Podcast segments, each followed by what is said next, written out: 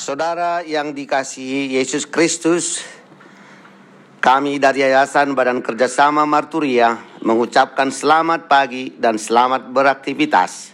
Kita akan mendengar lagu pujian dari buku Ende.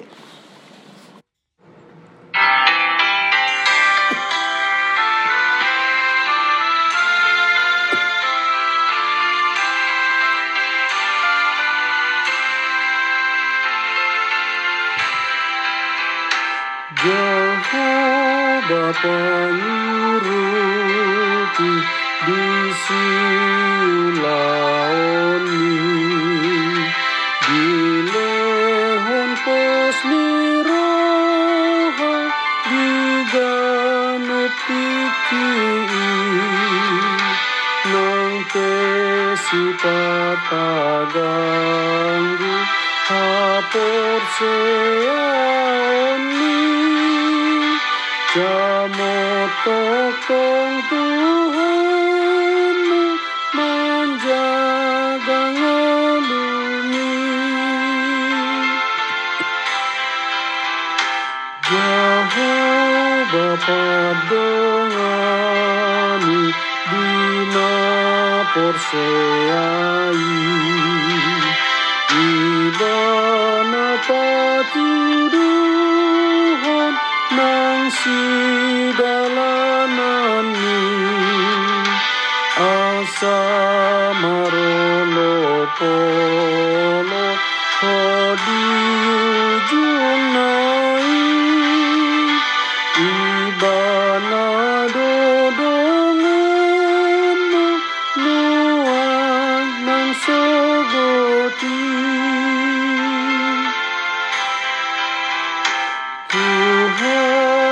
pertolongan di dalam hidupmu. Diberinya pengharapan di tiap langkahmu. Walau terkadang ragu iman percayamu Tuhan selalu setia menjaga hidupmu. Tuhan perlindunganmu Hai orang beriman. Tuhan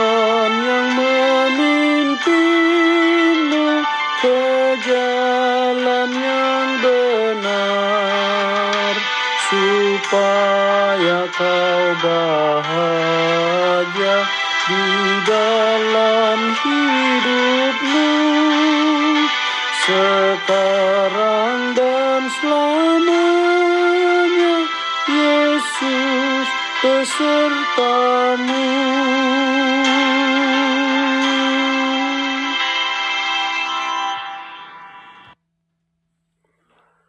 Saudaraku yang dikasihi Tuhan Yesus Kristus, sebelum kita mendengarkan firman Tuhan, mari kita berdoa. Allah Bapa di sorga, yang kami sembah, yang kami puja, yang kami muliakan, kami bersyukur atas kasih setiamu Tuhan. Kami rindu untuk mendengarkan firman-Mu, karena firman pedoman dalam kehidupan kami. Berfirman dan kau Bapa kami siap mendengar dalam nama Yesus Kristus kami berdoa dan bersyukur. Amin. Saudaraku yang dikasihi Tuhan Yesus Kristus, adapun firman Tuhan yang menjadi renungan kita di pagi hari ini tertulis di dalam Habakuk 3 ayat 19. Demikianlah firman Tuhan. Allah Tuhanku itu kekuatanku. Yang membuat kakiku seperti kaki rusa. Yang membiarkan aku berjejak di bukit-bukitku. Demikianlah firman Tuhan. Adapun tema Tuhanku itu kekuatanku. Saudaraku yang dikasihi Tuhan Yesus, kita pasti pernah mengalami hal yang tak kita mengerti seperti sair lagu rohani ini. Banyak perkara yang tak dapat ku mengerti. Mengapakah harus terjadi di dalam kehidupan ini? Demikian Habakuk. Dia bingung mengapa Tuhan menggunakan Nebukadnezar, bangsa yang lebih jahat dari Israel untuk menghukum Israel. Lalu Tuhan memberi kepastian di pasal 2 dan 4 bahwa bangsa yang anggar jago seperti Nebukadnezar pasti akan Tuhan permalukan. Tetapi orang yang benar itu akan hidup oleh percayanya. Orang yang tetap bersekutu dengan Tuhan dalam kepercayaan yang kokoh dan selalu mengandalkan Tuhan dalam hidupnya, merekalah yang muncul sebagai pemenang, bukan orang jahat. Saudaraku, kepastian itulah yang membuat kita harus terus bertahan dalam setiap pergumulan hidup yang membingungkan itu.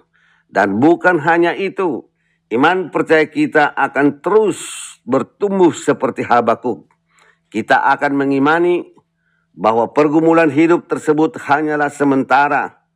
Dan di balik semuanya itu, Tuhan memberikan yang terbaik lagi bagi kita. Karena itu di ayat 17 dikatakan, walau kita mengalami kegagalan demi kegagalan, kita akan dimampukan tetap bersuka cita.